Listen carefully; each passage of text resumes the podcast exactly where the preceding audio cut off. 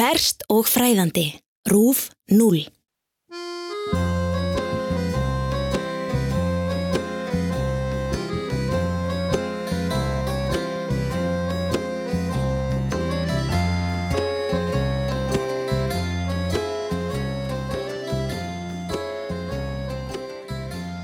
Þessi saga hefst á aðfangadagskvöld Jóla árið 1945. Það var spenna í loftinu og heimili Sotter fjölskyldunar í smábænum Fayetteville í vesturu Virginíu ríki bandaríkjana. Eins og víðar halda bandaríkjaman sérstaklega upp á jóladags morgun. Það er þá sem börnin fá að opna langþráðar jólagjafirnar og börn Sotter hjónana voru erðarlaus þetta kvöld. Jólaskrautið var allt komið á sinn stað, það var allt tilbúið. Hjónin George og Jenny Sotter höfðu átt miklu barnaláni að fagna. Þau áttu tíu börn á bylinu 23 til 2 ára. Einn sonur þeirra var gengin í herin og eitti stórháttíðnum í nálæri herstuð. En hín börnin þeirra voru heima og byðu jóladagsmorguns með eftirvæntingu, sér í lagi þau yngstu auðvita. Um miðnætti var loksins komin ró á hús Sotter fjölskyldunar. Það var nokkuð stæðilegt timpurhús á tveimur hæðum. Börnin voru loksins komin í rúmið og upp úr eitt voru allir í fasta svefni í húsinu, bæði börn og foreldrar. Það var þá sem það kviknaði í. Eldurinn var fljótur að breyðast út um húsið. Fjölskyldufæðurinn George Sotter vaknaði við að svefnubergi þegar hjóna var mettað af reik. Hann vakti Jenny konu sína og þau gripu yngsta badnið Silvíu tveggja ára sem svafi í barnarúmi í herberginu þeirra og þau þrjú forðuðu sér út. Fyrir utan húsið stóðu þegar þrjú börn, 17 ára dótturinn Marion og sinirnir John 23 og George Yngri 16. Svefnubergi þeirra voru á efrihæðinni og þau höfðu líka vaknað við reikin og tekist að forða sér út. Þau voru miður sín og hárið á drengjunum var sviðið svo litlu hafi munað að þeir kæmust undan. En George og Jenny áttu fimm börn til viðbútar. Morris 14 ára, Mörðu 12 ára, Louis 9 ára, Jenny litlu 8 ára og Betty 5 ára. Þau hlitu að vera ennþarna einhver staðar inni í eldhafinu sem eitt sinn hafi verið heimili Sotter-fjörskildunar. George Sotter reyndi allt hvað hann gatt. Hann braut glukka og klifraði í gegnum hann aftur inn í brennandi húsið. Hann sá ekki handa sinna skil fyrir eld og reik. Eldurinn hafði þegar gjör eðalagt borstofuna, eldhúsið og Svefnebergi þeirra hjóna.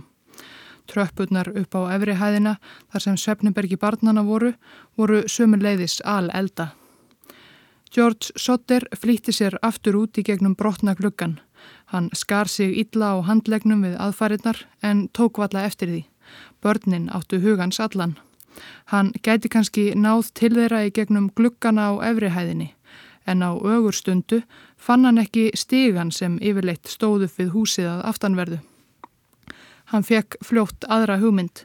Hann gæti ekið bíl alveg upp að húsinu, klifrað upp á bílþakið og komist þannig að glukkunum á efrihæðinni. George Sotter átti tvo litla vörubíla. Báðir höfðu verið í góðu lægi dægin áður en nú vildi kvorugur fara í gang. George Sotter rópaði á börnin sín af öllum lífs- og sálar kröftum og hyrti ekki um að það foss blætti úr handlegnum á honum. Eina dóttir hann sem tekist hafði að sleppa úr brennandi húsinu, Marion, hljóp til nágrannana og ringdi á slökkuliðið en það var hægara sagt en gert í litlum smábæ í Appalachia fjöllum árið 1945. Það var ekkert neyðarnúmer að ringja í sem resti út slökkulið bæjarins. Með hjálp nágrannans tókst Marjón loks að ringja í og vekja slökkuliðstjóran sem ringdi síðan í starfsmenn sína einn af öðrum.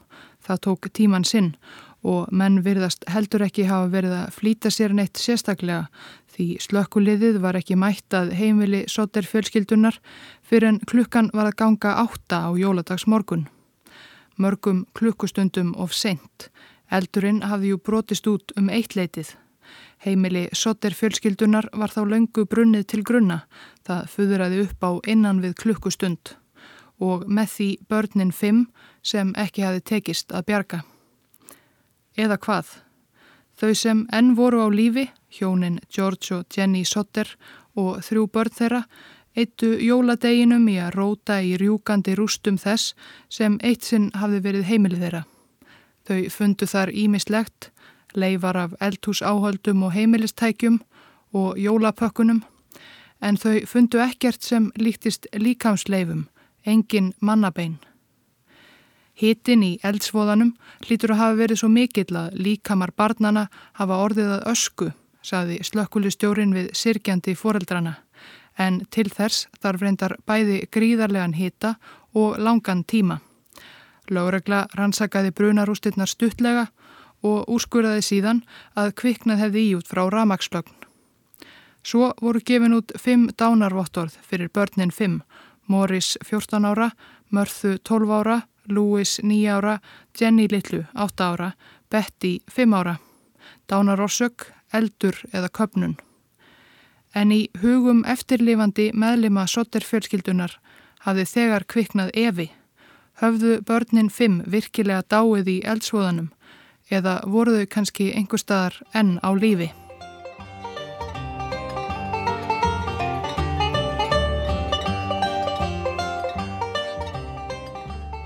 Bærin Fayetteville í vestur Virginíu í Appalachia fjöllum er nefndur eftir Lafayette Markgrefa, frakka sem barðist í bandarísku borgarastyrjöldinni og tók síðar þátt í frönsku byltingunni heimaferir. Þetta var og er smábær þar sem bæjarlífið hverfist að mestuleiti um eina aðalgötu sem er þó ekki mikið lengri en 100 metrar. Appalachia fjöllin og landsvæðið sem nefnt er eftir þeim eru rík af ýmsum jarðefnum og auðlindum, þó mikið af þeim sé að vísu löngu búið að þurrausa. Í lok 19. aldar var byrjað að vinna kól úr fjöllunum í vestur Virginíu og öðrum ríkjum Appalachiu í stórum stíl. Það útheimti gríðarlegt magna af kólum að knýja það yðnaðar stórveldi sem bandaríkin voru þá óðum að verða.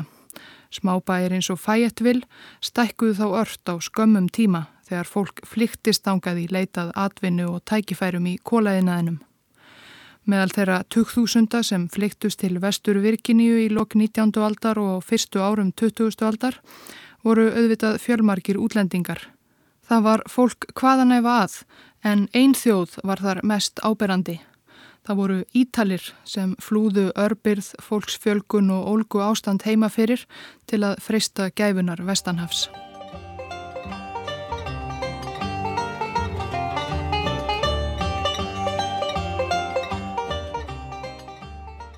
George Sotter hétt Giorgio Sotto þegar hann fættist í smábænum Túla á ítölsku eiginni Sardiníu árið 1895. Hann var 13 ára gamall þegar hann fluttist til bandaríkjana árið 1908. Hann fór í fyllt með eldri bróður sínum en leiðir bræðrana skildu í New York í móttökustöðinni á LSEU einanum flöym innflytjanda frá öllum heimsornum. Eldri bróðurnum leist ekki á blikuna.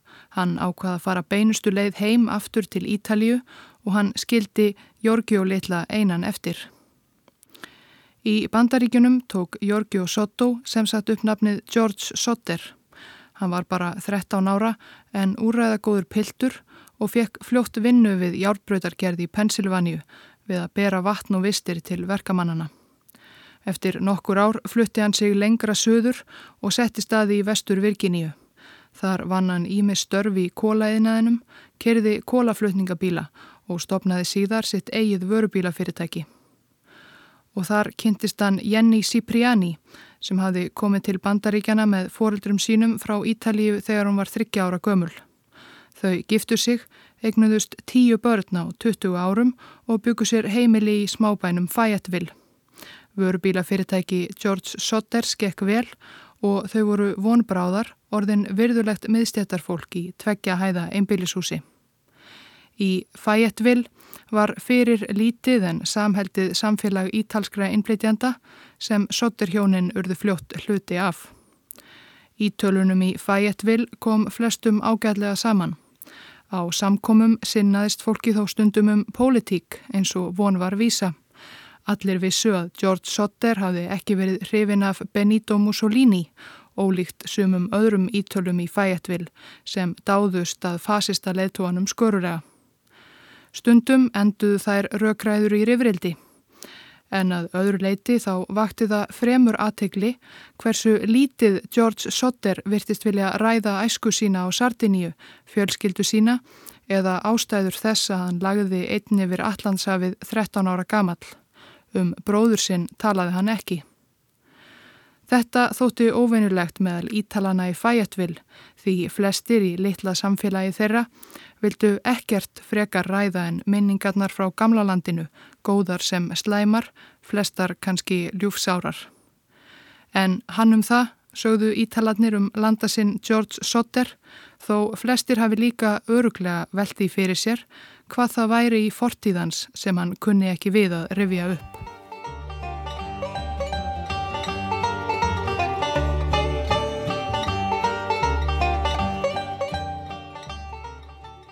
Þegar fórað vora þögtu sotterhjónin reytin þar sem húsi þeirra hafi eitt sinn staðið með mold og gróðu settu þar blóm.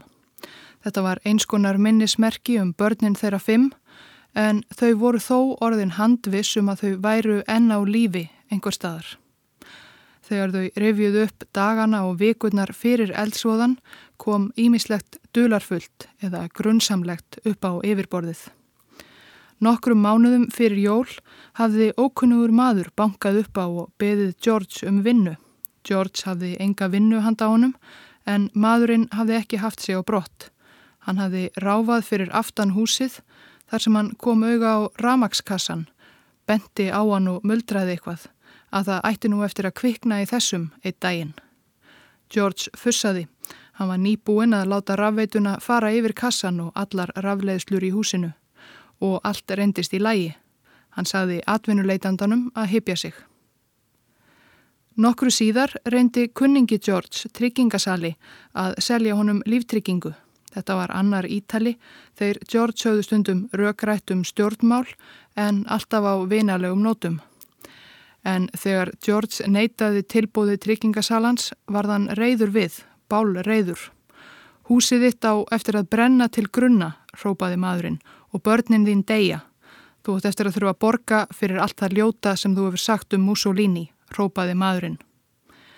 George hugsaði ekki mikið um þetta á sínum tíma. Maðurinn var augljóslega ekki í jafnvægi, kannski hafði dauði Mussolinis nokkru áður fengið svona á hann. En núna, eftir að húsið hans brann og börnin hans hurfu, horfið þetta öðruvísi við. Og þetta var ekki það eina skrítna.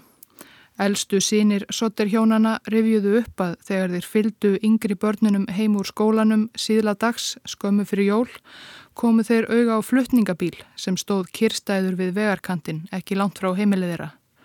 Í bílstjórasætinu satt maður sem virtist fylgjast með þeim. Og svo var það fjórði atbyrðurinn. Það var á aðfangataskvöld, kvöldið sem kviknaði í. Klukkan var orðin hálf eitt. Börnin höfðu fengið að opna einn lítinn jólapakka á mann og það voru allir komnir í háttin þegar símringing rauf kyrðina á heimili Sotter-fjölskyldunar. Jenny Sotter flýtti sér fram úr, hún vonaði að símin vekti ekki yngstu börnin.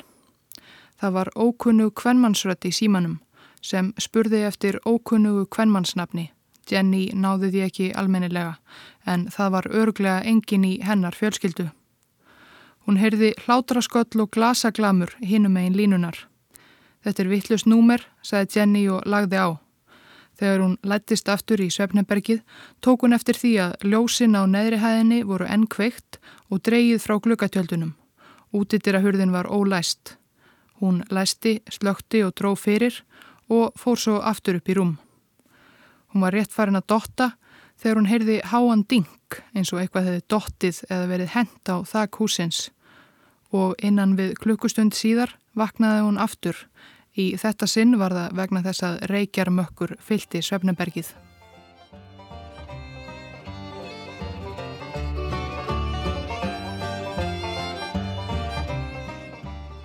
Sotter hjónin urðu æsanfærðari um að eitthvað gruggugt væri á seiði og að börnin þeirra fimm hefðu ekki látist í eldsúðanum eins og yfirvöld vildu halda fram. Það var svo margt sem stóðst ekki. Ef það hafði kviknað í út frá rafmagni, akkuru hafði þá rafmagn enn verið á húsinu þegar það stóði ljósum logum. Og hvar voru bein barnana þeirra? Þau gerðu sínar eigin tilraunir, kveiktu í dýrabeinum til að komast að því hversu mikinn hita þyrti til að brenna þau til ösku. Þau skrifuðu J. Edgar Hoover yfir manni Alríkislauruglunar og byðluðu til hans að rannsaka kvarf barnana. Hoover svaraði að málið væri í lögsögu lauruglunar í Fayetteville en Alríkislauruglumenn myndu aðstóða starfsbræður sína þar eftir fremsta megni ef óskum slíkt bærist. Sotter hjónin letu vita af þessu tilbóði en óskum aðstóð Alríkislauruglunar parst aldrei frá lauruglumönnum í Fayetteville. Að þeirra mati var máliðanda upplýst. Börnin höfðu brunnið inni hvað sem foreldrar þeirra heldu fram. Nokkru eftir eldsvoðan settu Sotur hjónin upp stort skildi við þjóðvegin sem fer fram hjá Fæjatvill. Það er kvítur steinstöpull með myndum af börnunum fimm sem hurfu. Morris 14 ára, Mörðu 12 ára, Louis 9 ára, Jenny Littlu 8 ára og Betty 5 ára. Þau eru öll alvöru gefin á svipin á myndunum, dökk yfirlitum, öll með sömu þykku dökku augabrýtnar sem þau erðu frá föður sínum. Undir myndunum er langur teksti, stenslaður með svartri málingu, allt hástafir. Það er ekki of sent að rannsaka málið. Á aðfangadagskvöld 1945 var kveikt í húsin okkar og börnunum okkar 5 á aldrinum 5 til 14 var rænt. Yfirvöld kendu rámakslögnum um þó það hafi enn verið kveikt á ljósunum þegar eldurinn braust út. Samkvæmt skýrslu yfirvalda dói börnin í brunanum en engin bein fundust í rústunum og það var engin lykt af brennandi holdi á meðan á brunanum stóð eða eftir á. Hvað vakti fyrir lauruglumönunum í málinu? Hvað grættu þeir á því að láta okkur þóla öll þessi ára af óréttlæti? Hvers vegna lugu þeir og neitt okkur til að sætt okkur við þessar legar? Vittni gáði sér fram í kjölfarið og sögðust hafa séð börnin. Konan okkur saðist hafa séðau um borði í bíl sem kerði fram hjá Fayetteville, nóttina sem húsið brann. Kona sem rak vegasjópu miðja vegu milli Fayetteville og Charleston, höfuðborgar Vestur Virginíu, saðist hafa gefið börnunum morgunmat morgunin eftir brunan. Þau hafi verið í fyllt með fullortnum fólki á bíl á númerum frá Flóridaríki. Kona sem vann í móttöku á hóteli í Tjálstón sá myndir af börnunum í blaðinu og sagðist síðan hafa séð fjögur þeirra um viku eftir brunan.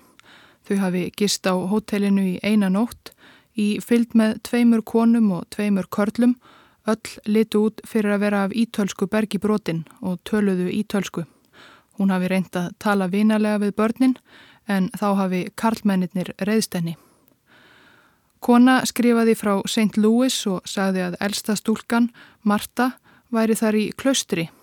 Maður í Texas sagðist hafa heyrt tvo menn ræða húsbruna á aðfangataskvöldi í vestur Virginíu á bar og einhver í Flórida sagðist líka hafa séð börnin.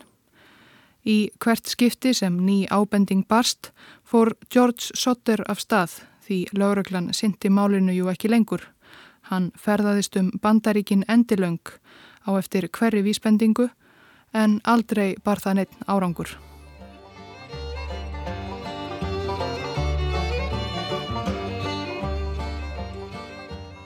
Snemma árs 1968 barst Jenny Sotter bref. Það var postlagt í nágrannaríkinu Kentucky en annars voru engar frekari upplýsingar um sendandan á brefinu sjálfu.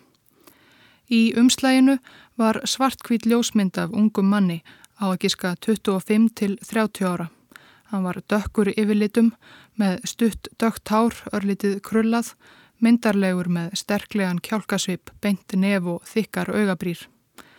Aftan á myndinni voru handskrifuð torskiljanleg skilabóð. Louis Sotter, ég elska bróður minn Franki. Il, il, drengir. A90132 Louis Sotter var sonur þeirra, einn af börnunum fimm sem hurfu eftir eldsvoðan fyrir 23 árum. Þá var hann nýju ára og hefði verið um þrítugt árið 1968. Ungi maðurinn á myndinni líktist honum sannarlega, sama beina nefið, sömu dökku krullurnar og sömu þykku augabrýtnar. Sotter hjóninn urðalokum fullvi summa þetta hliti að vera sonur þeirra. Þau réðu til sín engaspæjara sem fór til Kentucky en hann hafði lítið annað að reyða sig á en myndina og þessi dularfullu skilaboð aftan á henni. Hver var Franki og hvað þýtti þessi talnasúpa í lokin A90132? Það var engin leið að komast að þessu og það kom því ekkert út úr rannsókn engaspæjarans.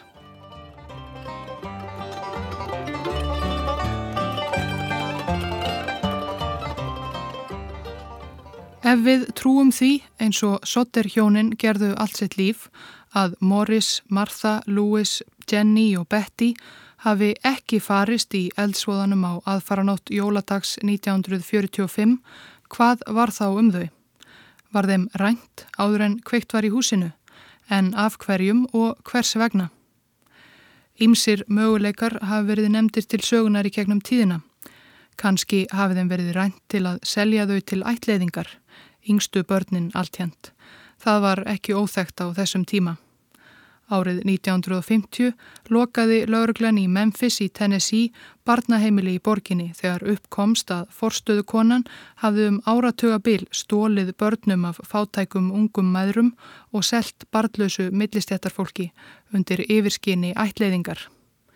Vafalaust var þetta ekki eina dæmið um slíka starfsemi höfðu sotterbörnin lendi greipum barnaræningja. Eða hafði fjölskyldufadurinn George Sotter kannski einhvern veginn fengið mafíuna upp á móti sér því mafíuna var jú vissulega að finna meðal ítalana í vestur Virginíu og hún ákveðið að refsa honum með þessum hætti. Kanski vildi George ekki ganga til liðs við mafíuna þegar honum stóð það til bóða, kannski var þetta missefnuð tilrönd til fjárkúunar. Eða kannski var lausnina að finna í því sem George Sotter vildi aldrei tala um, ástæðu þess að hann yfirgaf heimaland sitt og flutti til bandaríkjana. Kannski var það eitthvað sem hann gata á endanum ekki flúið sem eldi hann allarleið til Fayetteville.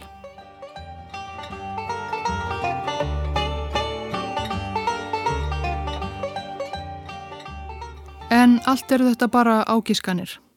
Í gegnum tíðina hefur hverjum rannsagendanum á fætur öðrum orðið lítið ágengt í því að komast að örlögum sotter barnana.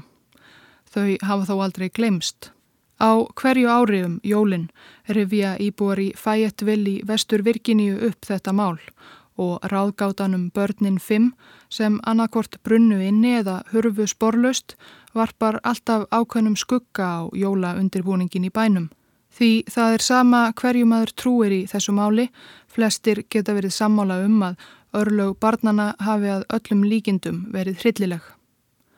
Málinu er líka haldið á lofti á vefsíðun okkuri þar sem áhuga fólkum sakamál spreytir sig á því að rannsaka gömul mál eins og þetta.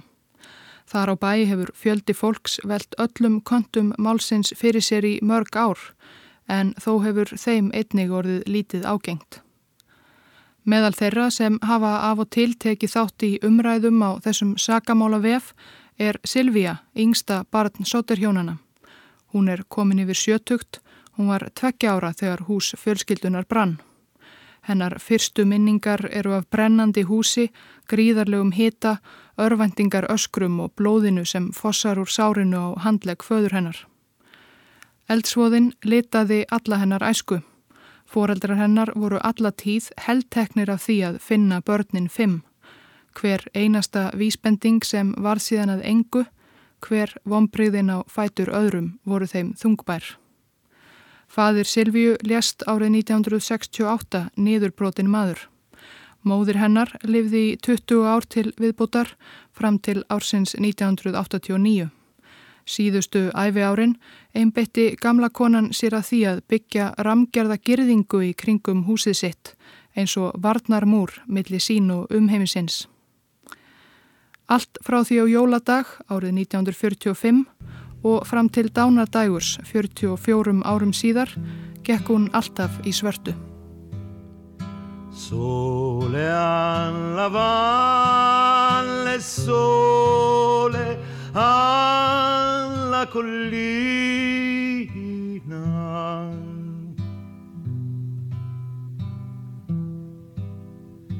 Per le campane c'è più nessuno.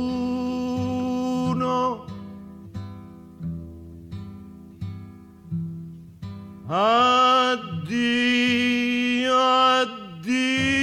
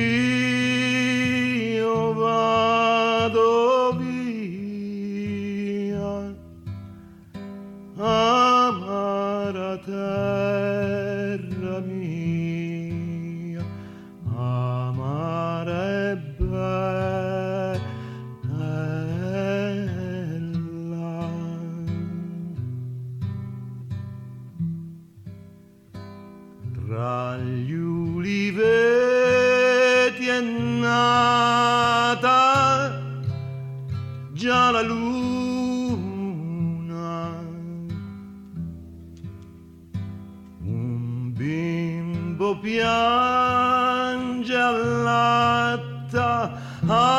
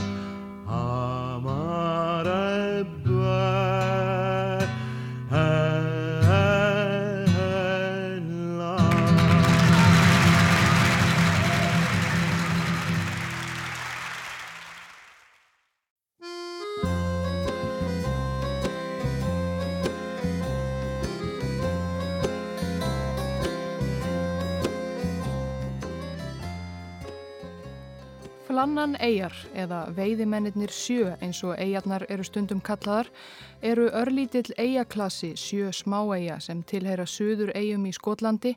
Þær eru meðal hinna allra istu hinna svo kalluðu ytri söður eigja og eru um 30 km vestur af eigunni Lewis sem er stærst ytri söður eigja. Flannan eigutnar sjö eru saman lagt um 60 hektarar. Það þýðir að þær eru allar saman örlítið stærri en Engei, næst stærsta eigan í Kollafyrði, en langt um minni en Viðei. Nokkrar þeirra eru grösugar, en flestar eigarnar, ef eigar skildi kalla, eru varla meira en holmar eða sker sem rýsa upp úr norður Allandshafi. Þarna eru engir mannabústaðir og engin mannvirki að finna fyrir utan það að á einni þeirra, þeirri stærstu, stendur viti og það var í þessum afskekta vita sem dularfullur atbyrður gerðist aldamóta árið 1900.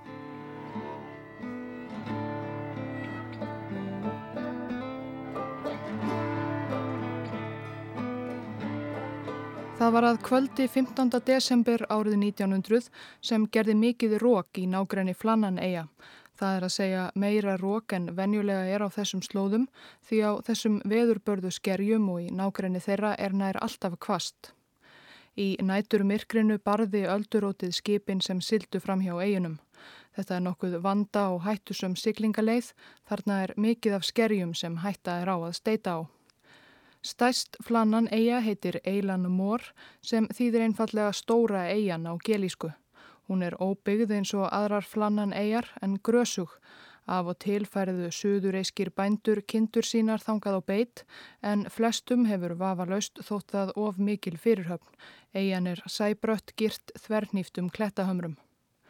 Nokkrum árum áður en þessi saga gerist hafði loksverðið hafist handa við það þjóðþrifaverk að byggja vita á eilanum mór. Bygging vitans tók meira en fjögur ár. Það var hægara sagt en gert að reysa mannvirki á borðið vita á svo afskektum og erfiðum stað. Bygging vitans tafðist hvað eftir annað vegna þess hver erfitt var að koma byggingarefnum til eilan mór og umfram allt vegna hins nær stöðuga kvassviðrið sem geysaði á og við eiguna. Vitin var loks tilbúin síðla árs 1899. Hann stendur á hæsta punkti Eilan Mór um 80 metrum yfir sjávarmáli og er 23 metrar á hæð til samanburðar má nefna gróttu viti í Reykjavík sem byggður var halvri öld síðar er 24 metrar á hæð.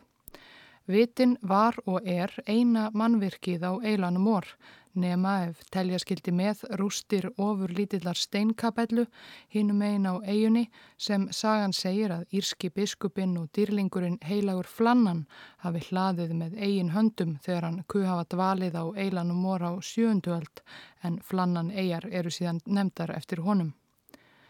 Fyrir utan hann, ef hann kom þá nokkuð tíman til eigana sem bera nafn hans í raun og veru, þá eru vitaverðirnir á eilan mór, þeir einu sem þar hafa dvalið langtvölum.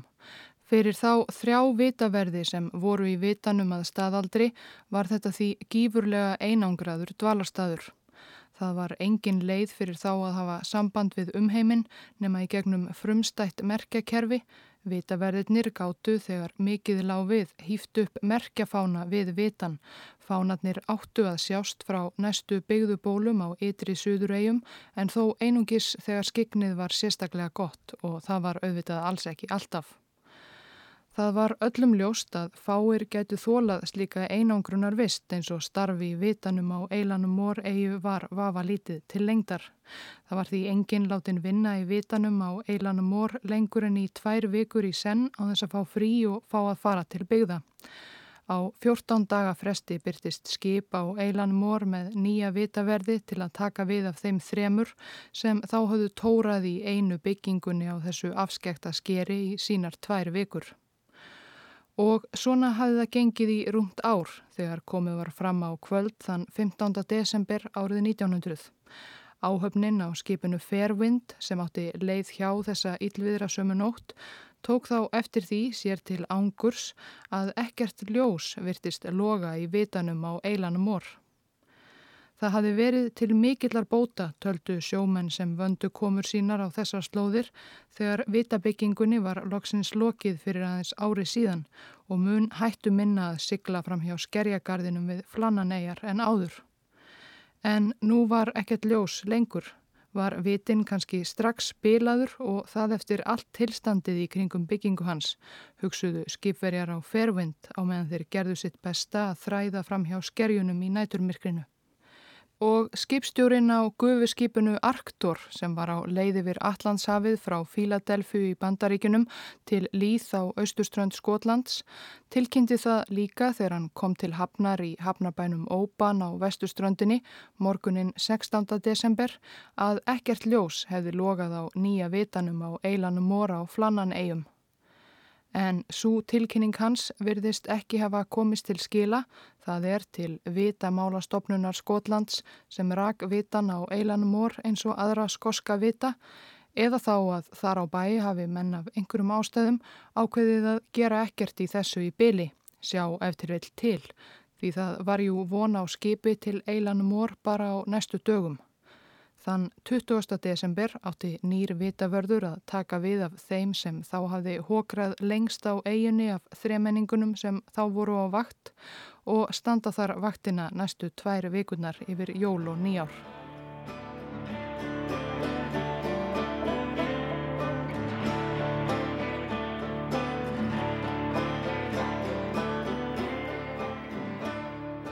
Mennirnir þrýr sem þá dvöldu í vitanum héttu James Ducat, Thomas Marshall og Donald MacArthur.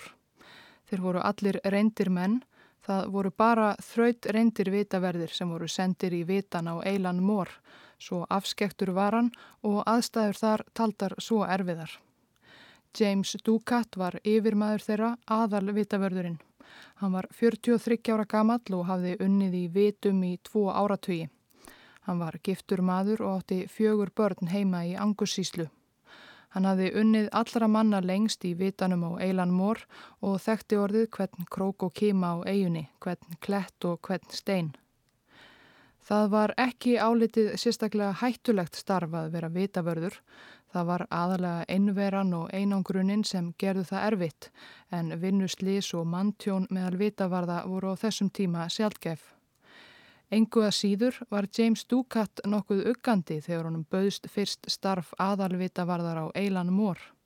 Veður ofsinn á þessum slóðum var sérstaklega óvægin og ef eitthvað kemi upp á væri hann óra langt frá mannabegðum í litlu sem engu sambandi við umheiminn. Hann var fjölskyldumadur, ef eitthvað kemi fyrir erðu kona hans og fjögur börn eftir allslaus, saði Dukat við yfirmenn sína hjá Vitamálastofnun þegar honum bauðst fyrst starfið á eilanum vor. En stopnunin vildi endilega fá hann þölu reyndan mannin og að lokum let James Ducat undan og tók að sér starf aðalvita varðar á Eilan Mór á Flannan eigum. En það hefði hann betur látið ógert.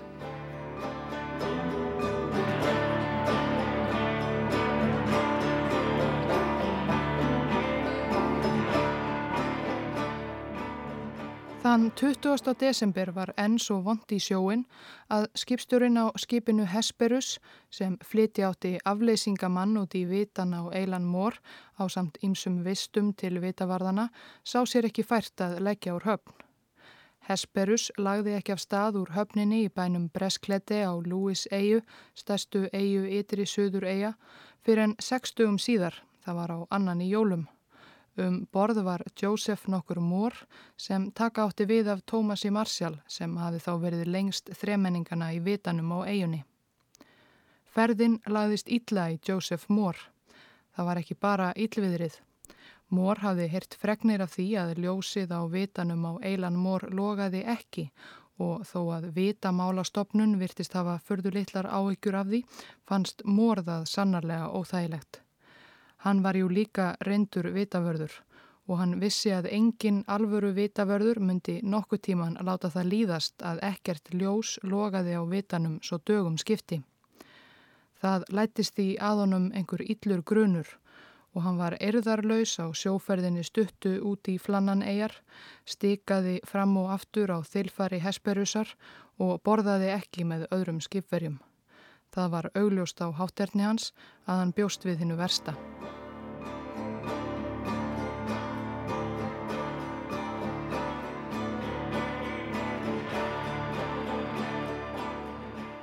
Þegar skip lagðist við akkeri við Eilan Mór stóðu vitaverðinir þrýr á eigunni yfirleitt á ströndinni, döðu feignir hvaða félagskap sem var á förstu landi. En vitaverðinir tóku ekki á móti skipverjum á Hesperus þegar skipið lagðist við Eilan Mór síðla dags annan í jólum árið 1900. Það tók alls engin á mótið þeim. Það voru engir tómir byrðakassar á ströndinni sem byðu þess að verða fylltir af vistum úr lestum skipsins og engin fáni blakti við vitan á Eilan Mór eins og vanin var þegar von var á skipi til eigarinnar. Sá ylli grunur sem hafi fyllt Joseph Mór um borði í Hesperus alla leiðina til eigarinnar varð bara verri og verri. Mór klöngraðist fyrstur skipverjana upp brattan uppgangin í áttað vitanum. Hann kallaði á kollega sína en enginn ansaði. Inni í vitanum virtist allt vera eins og það átti að vera. Það var snirtilegt um að litast í fábreytilegum vistarverum vitavarðana, búið að búa um rúmin og vaska upp leirtögið, potta og pönnur. Í öskustóni var köld aska. En vitaverðinir sjálfur voru hverki sjáanleir. Það var engin lifandi vera í vitanum. Það var eins og þeir hefðu búið snirtilega um og tekið til og haldið svo af stað en það var auðvitað ekki langt sem þeir gáttu farið á þessari ofurlittlu eigu. Þeir virtust einfallega hafa gufað upp. Við nánari aðtugun sáu skipverjar á Hesperussi að tvö pör af stígvilum og sjóklæðum vitavarðana voru horfin en eitt par var eftir. Hafðu tveir vitavarðana farið út í sjóklæðunum en sá þriðji án þeirra. Að fara út án sjóklæðana var óðsmanns æði í því veðri sem verið hafði á flannan eigum undanfarna daga og vikur. Þar að auki gekk það þvert á allar reglur vitamálastofnunar að allir þrýr vitaverðinir yfirgæfu vitan samtímis.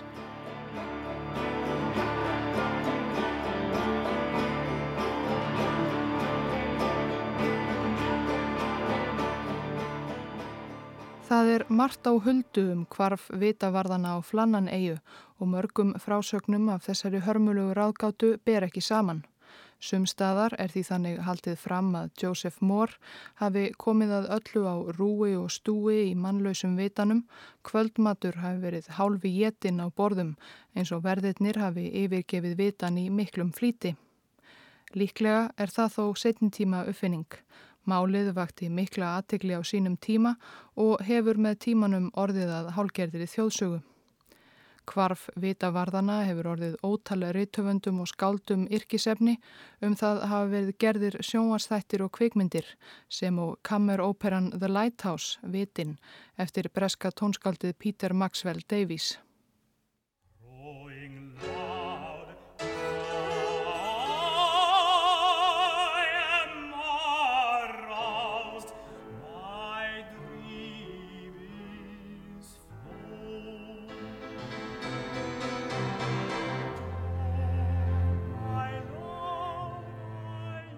Í mörgum bókum og öðrum umfjöllunum um vitaverðina á Eilan Mór er vitnað í dagbók vitavarðana, þar sem þeir rituðu á hverjum degi stuttlega um veður skilirði og verkefni dagsins. Síðasta færslan í dagbókinni var dagsett þann 15. desember, sama dag og skipin á ferð fram hjá flannan eigum tóku eftir því að ekkert ljós logaði á vitanum á Eilan Mór. Samkvæmt dagbókinni glýmdu vitaverðirnir við óvenjulega ofsafengið íllvirðri í marga daga áður en síðasta færslan var rituð. Hér er það Thomas Marshall, yngsti vitavörðurinn, sá sem Joseph Moore átti að leysa af sem ritar. 12. desember. Kvassviðri norð-norðvestur.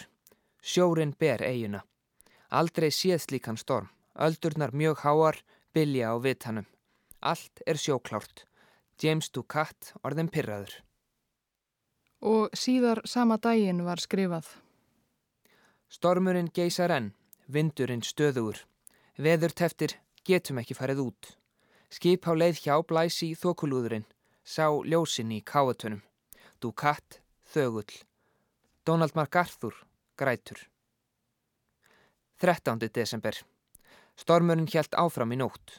Vindáttin breyst í norðvestur. Ducat þögull. MacArthur byðst fyrir. Hádegi, grátt dagsljós. Ég, Ducat og MacArthur byðjumst fyrir. Þann 14. desember var ekkert skrifað í dagbókina.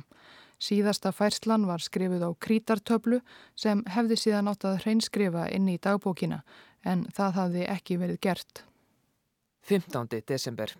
Storminum er lokið, sjórin er sléttur. Guð vakir yfir okkur. Eins og fyrr segir var það vanalegt að rita í dagbókina um veðrið, um daglegan starfa í vitanum. Það var sannarlega ekki til síðs að vitaverðinir skrifuðu þar um tilfinningar sínar og andlegt ástand hversu slæmt sem það kann að hafa verið orðið. Þessar dagbókarfæslur hefðu ekki fallið í kramið hjá yfirbóðurum þeirra á vitamálastofnun sem fóru reglulega yfir öll slík skrif. Því hafa margir leitað því líkum að þessar dagbókarfæslur séu falsaðar, bara gapp runnið undan rivjum einhvers af þeim fjölda hugmyndaríku sögurítara sem skrifað hafa um hvarf vitavarðana þryggja í gegnum tíðina. Það er langur tími liðin og verður sífelt erfiðar að segja hvað er satt og hvað er logið í þessu máli.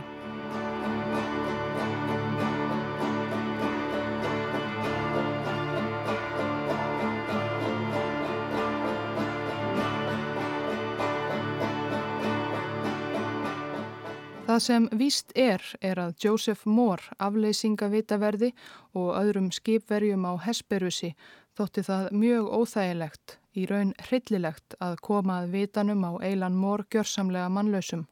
Það var deginum ljósara að eitthvað hræðilegt hliti að hafa gerst á eigunni. Skipstjórin á Hesperusi tók þá ákverðun að flýta sér aftur í land með þessi válegu tíðindi en Joseph Moore varð eftir á mannlausir í eigunni á samt tveimur sjómanum þeirra verkefni var að koma vitanum í lag eins fljótt og auðið væri því enn voru jú skip á ferðum úvinn sjóin við flannan eigar. Að kvöldi 27. desembers sendi skipstjórin á Hesperusi símskeiti til vitamálastofnunar. Hræðilegt slis á flannanegjum. Vitaverðirnir þrýr, Ducat, Marshall og MacArthur eru hortnir. Þegar við komum síðdegis voru engin merki um lífa á eiginni. Mór fór upp í vitan og fann engan. Klukkurnar voru stopp og allt bendir til þess að slisið hafi orðið fyrir rúmeri viku. Auðmingja mennirnir hljóta að hafa fókið af klettunum eða druknað. Nóttinn nálgæðist og við gáttum ekki beðið lengur til þess að komast að örlugum þeirra. Mór og tveir sjómenn urðu eftir til að kveikja á vitanum.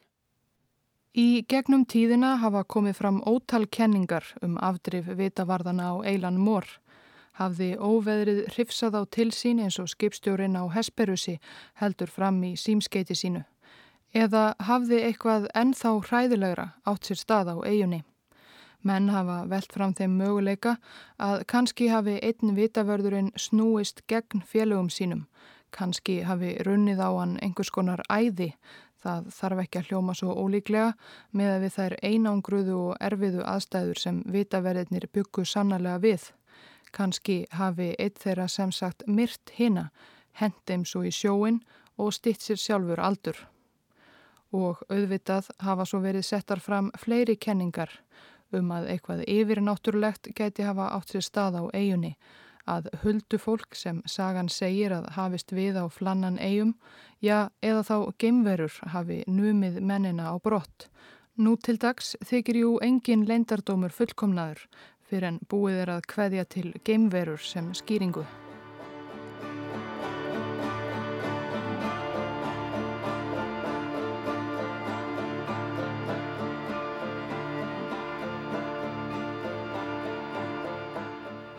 En það voru engar geimverur komnar til sögunar þegar skoska vitamálastofnuninn let rannsaka örlög þremenningana sem hurfu á Eilan Mór einhver tíman í desember árið 1900. Afleysingamadurinn Joseph Moore og sjómennir tveir dvöldu í nokkra daga og Eilan Mór við að koma ljósinu í vitanum aftur í gang. Þeim tókst það og þeir fóru líka um eiguna þvera og endilanga í leitað einhverjum ummerkjum um afdrifu tíndu vitavarðana. Einhverjum ummerkjum, hvort sem það varu fótspor, rifin, fött eða veðurbarinn lík, en þeir fundu ekkert slíkt. Eitt fann þó Joseph Moore sem hann tilkynnti síðar yfir bóðurum sínum hjá vitamálastofnun. Hægt var að leggjast að eiginni bæði austan og vestan meginn, Skipið Hesperus hafði lagt að austanmegin en landgöngustæðurinn vestanmegin reyndist mun verðfarin eftir nýjafstæðið óveður. Kistill sem gemdi reypi og landfestar fyrir komuskip hafði splundrast í ölduganginum. Innvolsið lág eins og hráfiði um allt. Krafturinn í öldunum virðist hafa verið svo ofsalegur að meira segja járnhandrið sem hafi verið ramlega boltað við steinþrepin sem lágu frá landgöngustaðnum og upp af vitanum, það hafi ripnað upp. Rétt fyrir áramótin sendi vitamálastofnun mann á vettvang. Robert Muirhead, yfir maður á stofnuninni, fór úti í Eilan Mór, rannsakaði vitan, húsakinni vitavarðana sem og landgöngustadin vestanmegin rétt eins og Joseph Moore hafði gert nokkrum dögum áður. Muirhead komst að þeirri niður stöðu að ónýti kistillin með landfestunum sem Moore hafði fyrstur greint frá væri mikilvægasta sönunagagnið í kvarfi vitavarðana. Loka niðurstaðan í skýrslu rannsóknanemdar skosku vitamálastofnuninnar var svohljóðandi. Eftir að ég hef rannsakað þau sönnunargögn sem mér tókst að sapna á eiginni er ég vissum að mennirnir voru á vakt fram að kvöldmatt á laugardaginn 15. desember og að þeir hafi síðan farið út til að reyna að ganga tryggilega frá kassanum sem geimdi landfestarnar og var geimdur í sprungu í klettinum vestanmegin um 34 metra fyrir ofan sjávarmál. Og þá hafi risavaksinn alda ætt fram af gífurlegum krafti og hrifið mennina með sér. Þar með var þeirri rannsókn lokið og örlög vitavarðana á Eilan Mór formlega upplýst allavega að mati vitamálastofnunar Skotlands. Eftir stóðu ekkjur vitavarðana þryggja og börn og sár minningin um eitt mannskæðasta slis í sögu vitavörslu á Skotlandi. Það kemur reyndar ekki fram í þessum loka niðurstöðum vitamálastofnunar hvers vegna mennirnir þrýr hafi ákveðið að hætta lífi sínu í þessu gífurlega óveðri svo síðla kvölds til þess eins að bjarga kassa af landfestum og það allir þrýr og brjóta þar með allar helstu reglur vinnuveitenda sinna og heldur ekki hvers vegna tveir vitavarðana hafi klæðist sjóstökkum sínum eins og við var að búast með við veður aðstæður en sá þriðji þeirra líklegast haldið út í regnið og stormin á skirtunni einni. Þetta fær einfallega varla staðist og því koma þær útaf fyrir sig ekki á óvart allar þær kenningar sem komið hafa fram um örlög vitavarðana hvort sem þar eru morðingjar á ferð, huldufólk eða gemverur. Aðeins þetta er ljóst. Eitthvað var til þess að þrýr vita verðir á Eilan Mór ættu út í óveðrið ægilega að kvöldi 15. desember árið 1900 og sáust aldrei meir. Það hlýtur að hafa verið eitthvað mjög mikilvægt eða merkilegt úr því þeir lögðu sig í slíka hættu en við vitum ekki hvað það var og það sem enn sorglegra er, við munum sjálfsagt aldrei fá að vita það. Eilan Mór ljóstrar ekki upp leindarmálum sínum.